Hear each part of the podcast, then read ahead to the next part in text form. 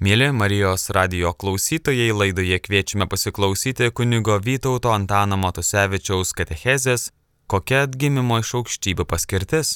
Alleluja,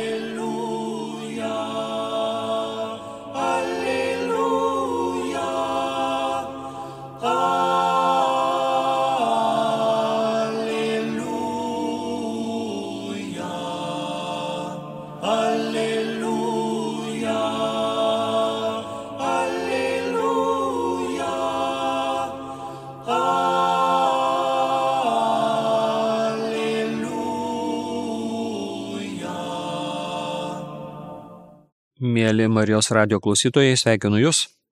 Šiandien mano katechezės tema - kokia atgimimo iš aukšto paskirtis.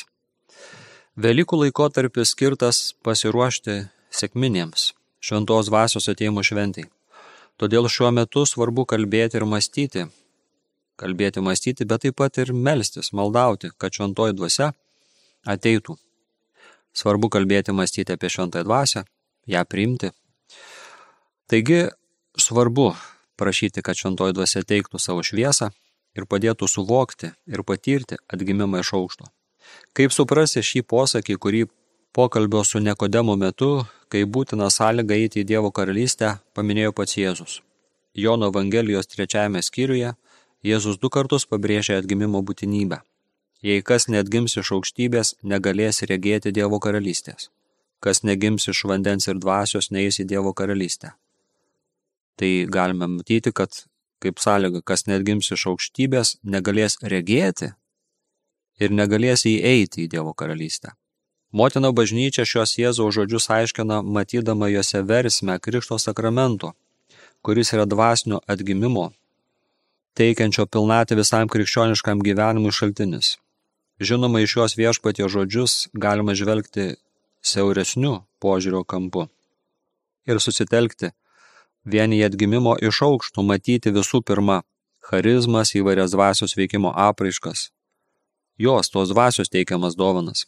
Tačiau Jėzaus ypatingai svarbiems žodžiams, suteikianti skirtinai siaurą prasme, išlieka pavojus grįžti atgal į Egiptą ir toliau likti kūniško žmogumi. Juk mokytojas kalbėjo Nikodemui, kas gimė iš kūno yra kūnas, o kas gimė iš dvasios yra dvasia. Todėl šioje katechezėje pabandykime pažvelgti plačiau ir tis giliau. Juolab, kad gyvename vartotojiškos kultūros dominavimo metu, o bažnyčion sėkmingai skverbėsi klaidinanti klėstėjimo teologija. Ji, pavyzdžiui, teigia, kad jei būsi ištikiamas Dievui, tau visada seksis. Pernelyg pabrėžia medžiaginių gerybių ir sveikatos svarbą. Tai atliepia žmogaus būtiniam žemiškiams poreikiams, dažniausiai paliečia jausmų, emocijų sritį, bet negali duoti išliekančio vaisiaus. Matydami žydinčią obelį mes žavimės jos grožiu, teigiamas emocijas mums sukelia žiedų kvapas, su lengvu liūdėsiu stebime to laikino grožio trapumą, bet suvokiame, kad tai neišvengiama, jei norime valgyti obels nunokintus vaisius. Žinomas anglų evangelistas Rojus Hesijonas savo nedidelėje knygoje po Golgoto ženklų dalysi savo mintimis, kas yra dvasinis atgimimas ir kaip jį pasiekti. Dvasinis atgimimas tai gyvenimas, perpildytas šventosio dvasios, Jėzaus Kristaus gyvenimas, kurio versmė pradeda tekėti į žmonių širdis. Tada jo jėga pradeda reikštis mūsų širdyje, gyvenime ir tarnavime, o jo pergalingas gyvenimas pripildomus ir liejasi į kitus. Tokia yra atgimimo esmė. Kad galėtume su juo užmėgsti teisingus santykius, pirmiausia reikia suprasti, kad mūsų valia turi būti pajungta jo valiai. Pirmoji atgimimo sąlyga – pasiduoti. Tai skausminga, tai gali atrodyti žeminamai, bet tai vienintelis kelias. Viešpats Jėzus negalės apsigyventi mumise ir veikti per mus, jei nebus palaužtas mūsų išdidusis aš. Tai reiškia, kad mūsų savimėlė, nenuolankusis aš, kuris visada save teisina, elgesi savavališkai, gina savo teisės ir ieško savo šlovės, galų gale nulenkia prieš Dievo valią savo galvą, pripažįsta savo neteisumą, duoda kelią Jėzui, atsisako savo teisių, nusimeta savo išpuikimą, kad Dievas būtų visko ir turėtų viską. Kitaip sakant, tai numarinimas mūsų aš, savo savikliovos, pasitikėjimu vien savimi ir viso, kas iš to išeina. Jeigu sažiningai ir nuodugniai patirinėtume savo krikščionišką gyvenimą, tikriausiai pamatytume, kiek daug to aš yra kiekviename iš mūsų. Per daug dažnai būtent mūsų aš mėgina gyventi krikščionišką gyvenimą. Jau vien tai, kad mes vartojame žodį mėgina, parodo, kad už viską atsakingas mūsų aš. Būtent aš nusprendžia dalyvauti krikščioniškoje veikloje, būtent aš susierzina, pavydi, įsižeidžia, kritikuoja ir sielojasi. Būtent aš, negailestingas ir nesutaikomas mums bendraujant su aplinkiniais. Būtent aš užsisklendęs ir nedraugiškas. Ir nėra ko stebėtis, kad mums reikia, jog kas nors mūsų tramdytų. Kol mus valdo mūsų aš, Dievas nieko negali mums padaryti, nes dvasios vaisius, kurių Dievas nori mumise užauginti, yra tiesioginė priešingybė mumise tūnančiai priešginos ir nepaklusnumo dvasiai. Būtina palaužti mūsų aš. Ir tai būtiniausia iš ankstinė sąlyga. Palaužti aš ir Dievo ir mūsų darbas. Dievas daro poveikį, bet renkamės mes. Jei iškodami Dievo mes iš tikrųjų esame pasiruošę pripažinti savo kaltę, Jis parodys visus mūsų išdidaus aš pasireiškimus, nes jie jam kelia skausmą. Tokią minutę mes galime arba užsispirti ir nepanorėti atgailauti, arba nulenkti galvą ir pasakyti, gerai viešpatie. Nusižeminimas kasdienėme gyvenime yra paprasčiausias sutikimas su Dievo apkaltinimu. Nusižeminti reikia kasdien, nes kasdien jaučiame, kad esame nusidėję. Kai pamatysime, kad dėl to privalėsime atsisakyti savo gaisinių interesų, pripažinti savo kaltę ir taikyti su Dievu, suprasime, kaip tai brangiai kainuoja. Ir būtent dėl to vargu ar mes sugebėsime nusižeminti ko nors kitur, o ne prie Jėzaus kryžiaus. Jėzus buvo pasiruošęs dėl mūsų kentėti ir būti pažemintas. Ir tai turėtų mums būti pagrindinis argumentas, kad ir mes turime nusižeminti. Mūsų pozicija turi tapti visas kalno pamokslas apie nusižeminimą, meilę priešams, atlaidumą ir nuolankumą. Bet priversi mus nusižeminti gali tik supratimas tos meilės, kuris sutiko nusižeminti dėl mūsų. Taigi, jei noriu eiti Dievo karalystėn, man būtina atgimti iš šventosios dvasios arba iš aukštybės. Siekdamas šio dvasinio perkeitimo, ir labai svarbios patirties, turi atgailauti, pasiduoti Dievo veikimui ir vedimui, priimti šventąją dvasę. Ir tai galėtų ir turėtų būti kiekvieno iš mūsų kasdienį duona. Kaip to Angelės jokinytės giesmei, kasdien po kryžium iš naujo stoju kasdien. Kasdien po kryžium iš naujo stoju kasdien, gyvybė semtis iš mirties kasdien. Gyvybė semtis iš mirties kasdien. Bažnyčia ir kiekvienam jos nariui, tai yra Dievo vaikui, šventoji dvasia būtinai reikalinga. Be Jėzaus ir jo dvasios mes nieko negalime. Nieko. Neseniai iš vieno galiai tikinčio žmogaus išgirdau pasidalinimą, pasakymą. Ta žmogus prisipažino, kad visiškai nepažįsta Dievo. Ir aš visiškai su juo sutikau. Taip pat prisipažinau, kad man tai tinka. Nes tai yra giliausia tiesa. Supratau, kad man ir daugeliu kitų brolių sesių reikia, įdant Dievas per motiną bažnyčią mus pamokytų. Šios mintys, kurias dabar išgirsite, yra iš Švento popiežiaus Jono Pauliaus antrojo enciklikos Dominum et Vivificantem. Lietuviškai būtų išvertus viešpatį ir gaivinančiąją apie šventą dvasę, tą encikliką. Kalbėdamas per paskutinę vakarienę Jėzus kelbė ateisiant šventąją dvasę, jo iškeliavimo kainą ir pažada. Nukeliavęs aš jį jums atsiųsiu. Tačiau čia pat priduria, kad ji ateis ir parodys pasauliui, kaip jis klysta dėl nuodėmės, dėl teisybės, dėl teismo. Pats globėjas tiesos dvasia pažadėtas kaip tas, kuris išmokys ir primins, kaip tas, kuris liudys, kaip tas, kuris ves į tiesos pilnatvę. Cituotoj žodžiais dabar skelbiamas kaip tas, kuris parodys pasauliui, kaip jis klysta. Klysta. Dėl nuodėmės, dėl teisybės, dėl teismo. Nuodėmė šiuo atveju reiškia netikėjimą, su kuriuo Jėzus susidūrė tarp saviškių, pradedant savo miesto Nazareto gyventojais. Tai reiškia jo misijos atmetimą, nuvesiantį žmonės į jo pasmerkimą mirti. Toliau kalbėdamas apie teisybę, Jėzus atrodo, turi omenyje galutinį teisingumą, kurį jam suteiks tėvas, apgaubdamas prisikėlimo ir žengimo į dangų šlovę. Aš einu pas tėvą. Šitaip suprastų nuodėmės ir teisybės savukų kontekste teismas savo ruoštų reiškia, kad Kristaus pasmerkimu mirti ant kryžiaus tiesos dvasia parodys pasaulio nuodėmę. Tačiau Kristus atėjo į pasaulį ne jo teisti ar smerkti, jis atėjo išgelbėti. Nuodėmės ir teisybės parodymo tikslas yra pasaulio žmonių išgelbėjimas. Šią tiesą paremė teigimas, kad teismas liečia tik šio pasaulio kunigaikštį, būtent šietoną. Nuo pat pradžios kūrimo veiklą panaudojantį prieš išganimą, prie žmogaus sandorą ir sąjungą su Dievu. Jis jau pasmerktas, šietonas, nuo pat pradžių.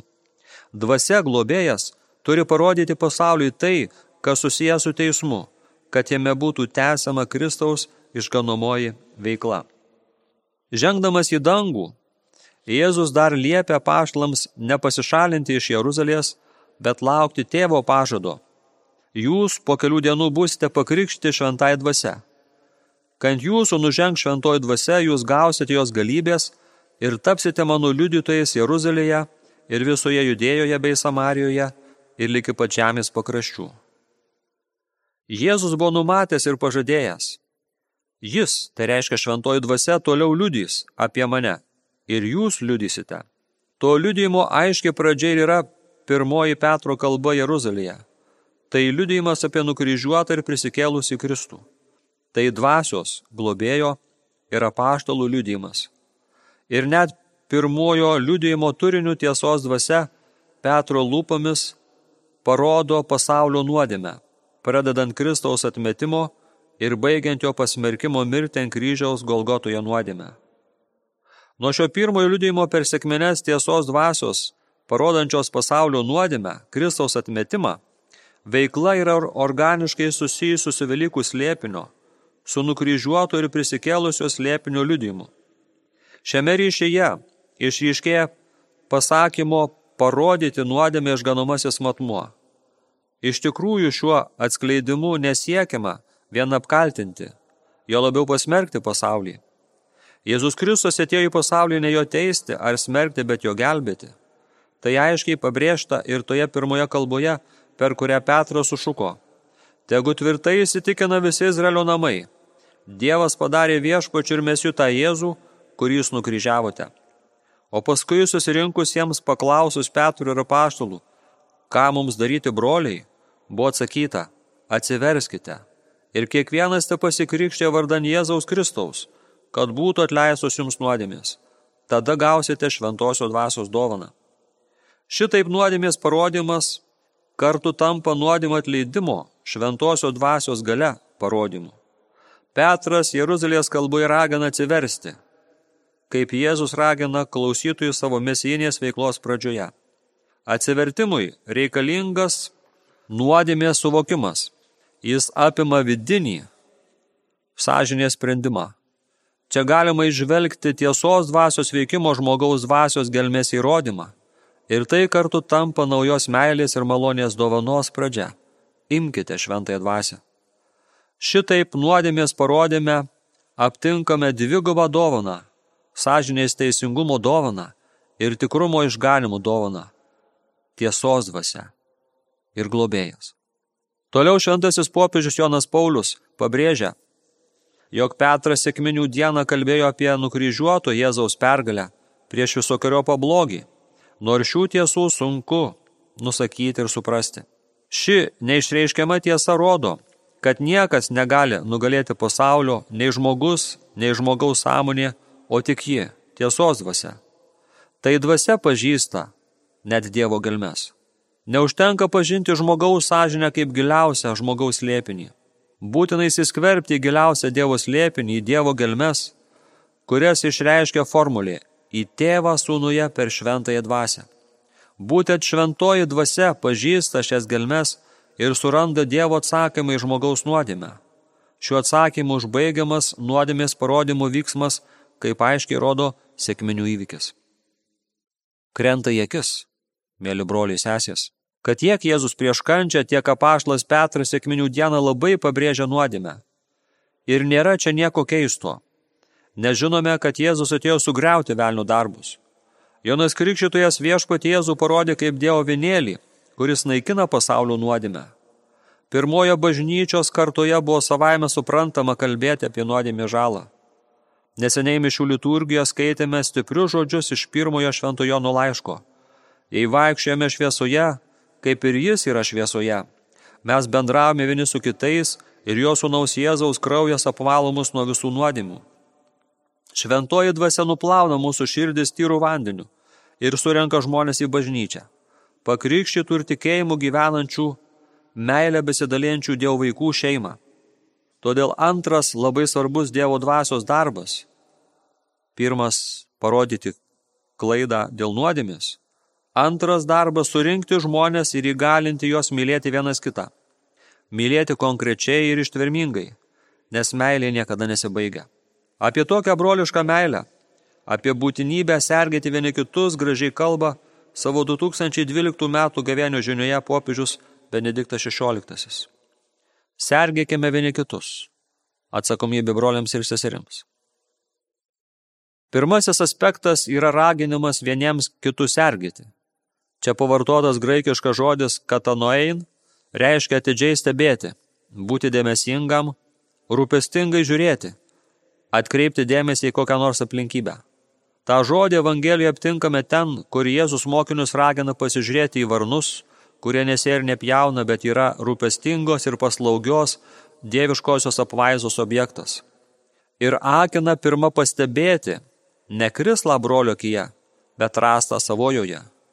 Kitoje laiško žydams vietoje esame raginami įsižiūrėti Jėzų, tikėjimo paštalą ir vyriausiai kunigą.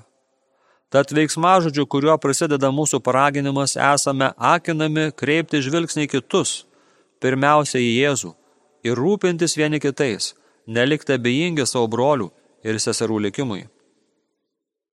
Pernelyg dažnai viršų paima priešingą laikyseną – abejingumas ir nesidomėjimas, kylantis iš savanaudiškumo, besidangstančio pagarbą privatumui. Ir šiandien primiktinai aidi viešpaties balsas – raginantis rūpintis vieni kitais. Ir šiandien Dievas prašo mūsų būti brolių ir seserų sargais, kurti santykius paženklintus abipusio rūpinimusi, dėmesingumo kitų geroviai ir visapusiškai geroviai. Didysis artimo meilės įsakymas reikalauja suvokti savo atsakomybę tam, kuris kaip ir aš yra Dievo kūrinys ir vaikas. Tai, kad mes kaip žmonės dažnai ir tikėjimo esame broliai ir seserys, turi skatinti mus aplinkiniuose išvelgti tikrai alter ego arba kitą aš, be galo mylimą viešpaties. Jei puoselėsime tokį brolišką žvilgsnį, solidarumas ir teisingumas, gailestingumas ir atjauta savaime trykš iš mūsų širdžių. Dievo tarnas popiežius Paulius VI, dabar jau prieš keletą metų paskelbtas šventuojum, sakė, jog šiandien pasaulį kamuoja pirmiausia broliškumo stoka. Pasaulis pasiligojęs. To priežastis ne tiek mažėjantys gamtos ištekliai, ar jų susitelkimas kelių žmonių rankose, kiek broliškų ryšių tarp žmonių ir tarp tautų stygius. Tai prašo Paulius VI enciklikoje Populorum Progresijo. Sergėti kitą reiškia trokšti jai ar jam gerą visais atžvilgiais – fiziniu, moraliniu ir dvasiniu. Dabartinė kultūra atrodo praradusi gėrio ir blogio jausmą. Todėl primiktinai būtina priminti, kad gėris egzistuoja ir paims viršų, nes Dievas yra geras ir daro gerą. Gėris yra tai, kas teikia, saugo ir skatina gyvybę, brolystę ir bendrystę. Tad būti atsakingam už kitą reiškia trokšti ir siekti jo gerovės puoselėjant viltį, kad ir jis atsivers gėrio logikai. Rūpinti savo broliais ir seserimis reiškia atverti akis jų poreikiams. Šventajame rašte įspėjama saugotis, kad širdies neužkėtintų savotišką dvasinę anesteziją, neleidžianti matyti kitų kančių. Evangelistas Lukas kaip to pavyzdį pateikia du Jėzaus palyginimus. Palyginime apie gailestingai samarietį, kunigas ir levitas abejingai praeina pro plėšiko apiplėštą ir sumuštą vyrą. O palyginime apie lozorių, turtų pertikęs vyras nepastebi, prie jo durų iš bado mirštančio lozoriaus. Abiem atvejais čia susidurėme su sergėjimu. Meilės ir atjautos kupino žvilgsnio į kitą priešingybę. Toliau Benediktas XVI tęsė. Bet kas trukdo žmoniškai ir meiliai žvelgti į brolius ir seseris? Dažnai materialus turtas ir persisotinimas, bet neretai ir polinkis teikti pirmenybę asmeniniams interesams bei rūpešiams. Niekada nevalia negebėti jausti atjautos kenčiantiesiems. Niekada mūsų širdis negali būti taip palenkta saviems reikalams ir savoms problemams, kad nebegirdėtų vargšų šauksmo. Kaip tik širdies nuolankumas ir asmeniai kančios patirtis gali viduje pažadinti atjautą ir gebėjimą įsijausti. Teisusis rūpinasi beturčių teisėmis, o nedorilis negali tokio rūpinimusi suprasti. Patarlių 29.7. Tada tampa suprantama, kodėl palaiminti liūdintys. Tai yra tie, kurie sugeba išeiti savęs, kad pajustų kito skausmą. Sustikimas su kitais ir širdies atvirimas jų poreikiams gali būti išganingi ir teikiantys palaiminimą. Brolių ir seserų sergėjimas taip pat reiškia rūpinimas jų dvasinę gerovę.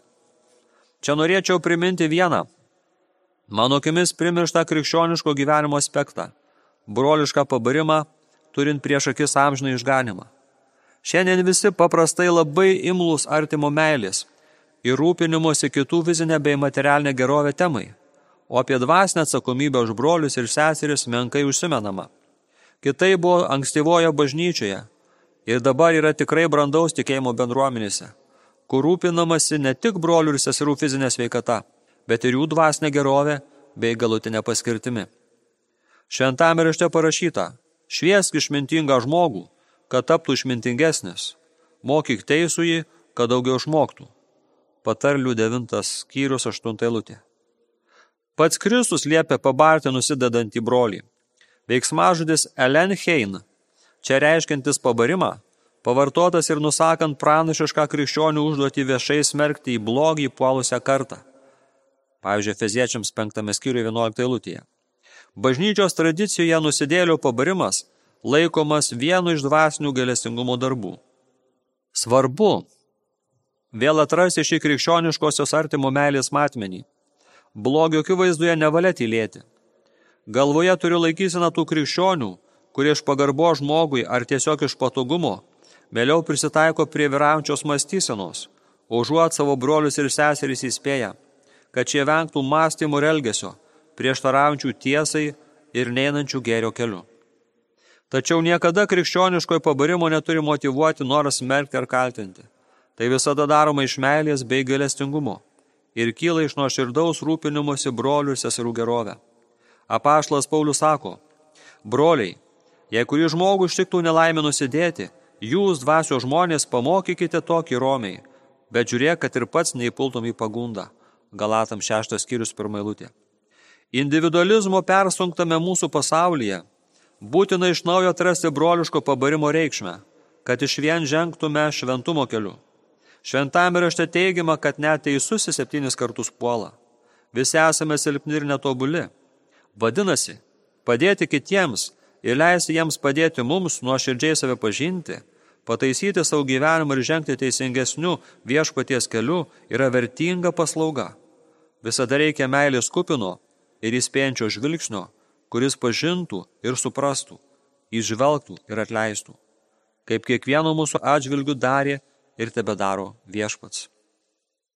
Per sėkmines matome, kaip dramatiškai ir nuostabiai buvo perkeistos apaštlų širdis. Kokia meilės drąsa buvo jiems suteikta. Tačiau svarbiausia dvasios užduotis kiekvienoje sieloje – liudyti Kristų. Per jį vesti pas tėvą ir nuolatos užtarti neįsakomis atodusiais. Tikrai atgimęs žmogus nesivaizduoja savo gyvenimo be Jėzaus. Jam žmogaus sunumi tapęs amžino tėvų sunus yra pats brangiausias ir vienintelis. Šventieji tai gerai suprato, nes jie gerai pažino Jėzų. Jį mylėjo karštai iš viso širdies. Jie buvo dvasios mokami ir vedami. Vienas iš jų, Dolindo Ruotolio, gimė 1882 metais spalio 6 dieną Neapolyje, mirė 1970 metais lapkričio 19 dieną. Italų kunigas, kuris buvo ir pranciškonų tretininkas, katalikų bažnyčios paskelbtas Dievo tarnu. Betifikacijos procesas tęsiasi. Ji labai vertino šventas tėvas Pijus iš Pietrilčinos. Kada pas tėvą Pijo ateidavo minios, jis sakydavo, eikite geriau pas kunigą Dolindo. Šis kunigas iš Neapolio, mystikas, paliko jam Jėzaus padiktuotą maldą. Atėjusiems pas jį žmonėms kunigas įduodavo rankas visiško pasiaukojimo Jėzui aktą. Nieko nekontroliuok, vien melskis taip, kaip prašė Jėzus, pridurdavo atėjusiems pas jį žmonėms. Klausykime Jėzaus kiekvienam, kiekvienam nuolatos, kasdien tariamų žodžių. Taigi Jėzus kalba sielai. Dėl kokios priežasties sunerimęs įsileidai į sumaištį? Atiduok man savo reikalus ir viskas nurims. Iš tiesų sakau jums, kiekvienas aktas tikro aklo visiško atsidavimo man atneš vaisių, kokio trokštate ir įspręs painiausias situacijas. Visiškai pasikliauti manimi nereiškia, kad turiu kovoti, nervintis ir nusivilti. Tuo pat metu mane nekantriai prašant, kad aš pagal tavo supratimą perkeiščiau susidrumstimą maldoje. Visiškai manimi pasikliauti reiškia ramiai užmerkti sielos akis, atmesti nerimų mintis ir sumaištį, atsiduoti man taip, tarsi aš vienas veikčiau ir kartoti, tu tuo pasirūpink. Susirūpinimas, nerimas, galvojimas apie įvykių pasiekmes yra kliūtis. Ryštingas priešinimasis neleidžiantis man atsiduoti. Panašiai nutinka vaikams, kurie viską daro, kad tik mamos patenkintų jų poreikius. Tačiau tuo pat metu patys pradeda trukdyti ir apsunkina jų darbą savo sumanimais. Užsimerk ir leiskis nešamas mano malonės rovės. Užsimerk ir negalvok apie netidėliotinus darbus. Nusisuk nuo ateities kaip nuo pagundos. Ilsėkis man ją pasitikėdamas mano gerumu, o aš užtikrinu tau savo meilę. Kai taip kreipsiesi su šią nuostatą, tu tuo pasirūpink. Aš atsidėsiu tam reikalui, visiškai paguosiu tave, išlaisvinsiu ir vesiu. Netgi tada, kai turėsiu tave vesti kitų kelių, negu esi suplanavęs, būsiu tavo vadovas. Užsidėsiu tave ant pečių, nešiu tave, kaip motina neša ant rankų užmigusi kūdikį į kitą krantą. Tai tavo racionalizmas, samprotavimai, nerimas ir siekis bet kokią kainą daryti tai, kas tau patinka, sukelia sunkiai pakeliamą skausmą ir sumaištį. Kiek galėčiau padaryti tiek dvasiniuose, tiek medžiaginiuose reikaluose, jeigu tik siela atsigręžtų į mane, pažvelgtų į mane sakydama, tu tuo pasirūpink, užsimerktų ir ilsėtųsi. Kai nerimauji, gauni mažai malonių. Jei tavoji malda yra pripildyta tobulų pasitikėjimu ir atsidavimu, ant tavęs krinta gausi malonė. Su skausmu ir kančioje prašai, kad veikčiau, bet taip, kaip tu nori. Nesikreipi į mane, vien trokšti, kad prisiderinčiau ir pakluščiau tavo poreikiams bei supratimams. Nesergi, jei kreipdamas į gydytoją pagalbos, nurodai, kaip turėtų tave gydyti. Taip neselk, bet melskis taip, kaip jūs išmokiau, tėve mūsų maldoje. Tiesie šventas tavo vardas. Tai yra būk pašlovintas ir pagarbintas mano poreikyje. Teteinė tavo karalystė, Tai reiškia, kad viskas, kas aplink vyksta, prisijungia, kuriant tavo karalystę mumise ir pasaulyje. Tiesie tavo valia, kaip danguje, taip ir žemėje, reiškia, tu ateik ir veiktame mano poreikėje. Kaip pagal tave bus geriau mano dabartiniam ir amžinam gyvenimui. Jei iš ties man pasakysi, tiesie tavo valia, tu man tarsi sakytum, tu tuo pasirūpink. Tada įsiveršiu su visa savo gale ir įveiksiu sunkiausias situacijas. Prašau tavęs. Jei matai, kad lyga plečiasi užuot mažėjusi, nesijaudink, užsimerk ir su pasitikėjimu pasakyk, tiesie tavo valia. Tu tuo pasirūpink. Sakau tau, kad tuo pasirūpinčiau kaip gydytojas. Padarysiu netgi stebuklą, jeigu tik jo reikės. Tau atrodo, kad ligonių būklė blogėja. Nesinervink, užsimerk ir kalbėk. Tu tuo pasirūpink. Kartoju tau, kad tuo pasirūpinsiu, kad nėra stipresnių vaistų už mano iš meilės kylantį veikimą. Pasirūpinsiu tuo tik tada, kai užmerks akis. Esi nepailstantis, nori viską pats įvertinti, viską pats apsvarstyti, remiesi žmogiškomis jėgomis arba dar blogiau – į žmogų, pasitikėdamas jo pagalba. Tai apsunkina mane, trukdo man veikti. O, kaip labai trokštų tavo atsidavimo, kad galėčiau tave palaiminti. Kaip liūdžiu matydamas tave besiblaškantį. Šietonas irgi šito siekia, kad būtum neramus, jis nori atitraukti tave nuo mano veikimo ir įstumti į žmogiškų nuostatų lankas. Todėl pasitikėk tik manimi, ilsėkis manyje, visapusiškai remkis manimi. Darysiu stebuklus tiek, kiek tu atsiduosi man ir atsiplėši nuo savo minčių. Dalinu malonių turtus, kai esi vargšas Elgeta. Kai turi savį išteklių, net ir nedaug, arba jeigu jų ieškai, pasilieki tik paprastame lygmenyje. Tuomet eini paskui natūralią, žemišką įvykių tiekmę, į kurią dažnai įžengia šitonas.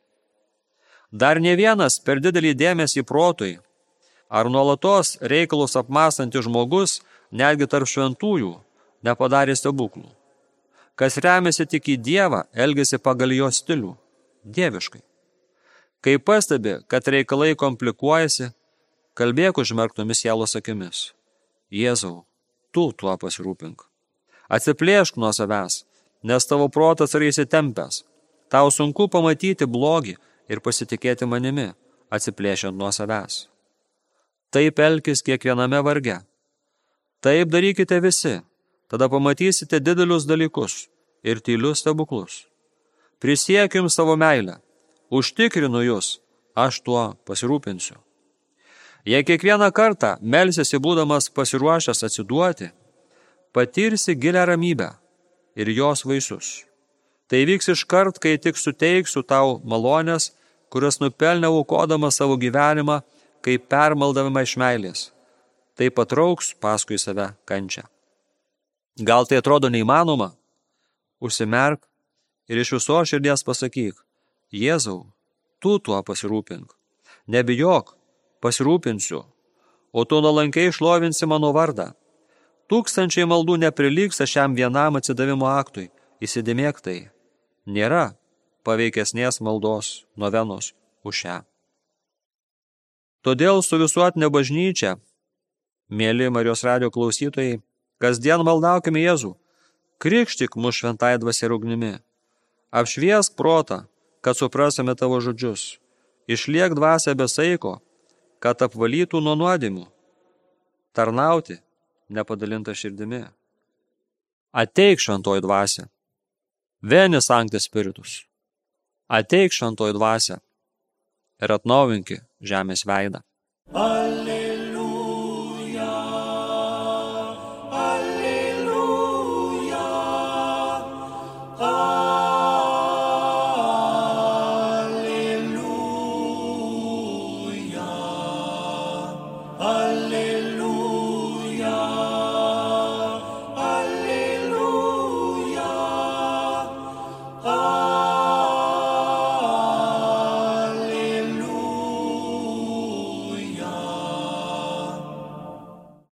Mėlyjeji laidoje girdėjote kuniga Vytautą Antaną Matusevičių, kuris kalbėjo tema Kokia atgimimo iš aukštybių paskirtis. Likite su Marijos radiju.